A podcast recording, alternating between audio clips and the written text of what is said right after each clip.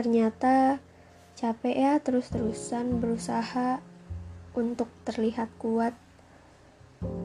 Pingin deh seperti orang lain atau beberapa orang yang mau sukarela menuangkan keresahannya dan memperlihatkan ketidaksanggupannya. Ya, karena kan setiap orang pasti pasti ada saatnya dia merasa tidak sanggup dan butuh motivasi atau dorongan. Capek juga ternyata bersikap seakan-akan paling kuat, paling bisa menyelesaikan beragam masalah, padahal nyatanya berdarah-darah. Habisnya bagaimana? Kalaupun mengangkat suara, memangnya siapa yang akan dengar? Siapa yang akan peduli? Siapa yang akan menyembuhkan? Minimal mendengar. Menyembuhkan mungkin terdengar sulit, dan siapa yang akan bantu menenggelamkan rasa lemahnya? Pernah gak sih kalian kepikiran seperti itu? Lalu setelah kalian kepikiran seperti itu, naluri bilang, "Sudah, jangan mengeluh. Yang kuat seperti yang biasanya terlihat."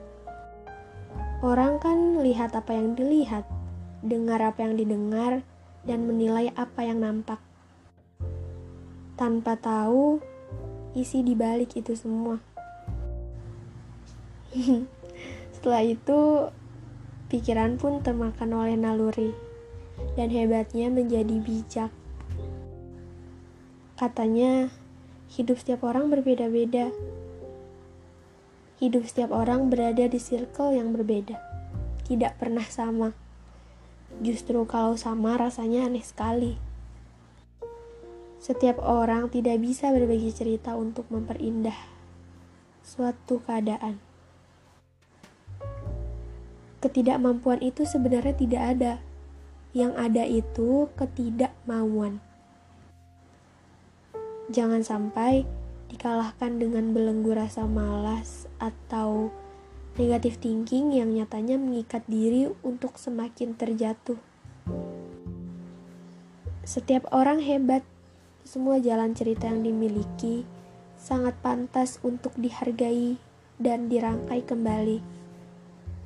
Sama halnya seperti sebuah bunga yang sudah layu. Proses ketika dia dikeringkan memang tidak seindah saat dia masih jadi bunga yang segar.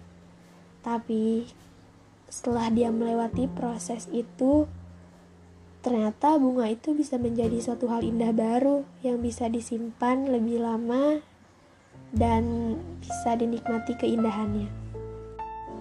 Sama kan seperti semua proses yang kita jalani di bumi ini. Banyak sekali proses yang terlihat begitu menyebalkan. Rasanya ingin langsung sampai ke tujuan saja tanpa perlu berjibaku dengan prosesnya. Tapi Ternyata setelah itu kita sadar bahwa proses yang dijalani memberikan sebuah makna. Hasil dari proses menjadi karya yang bisa kita simpan dan nikmati. Intinya, tidak ada suatu proses yang buruk.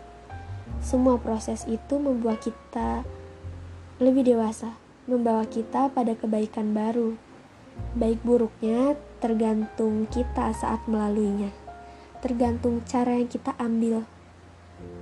Ingat, proses setiap orang berbeda, jalan cerita setiap orang berbeda.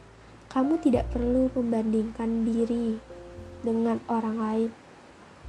Semangat ya, aku akan selalu siap untuk menyemangati kamu.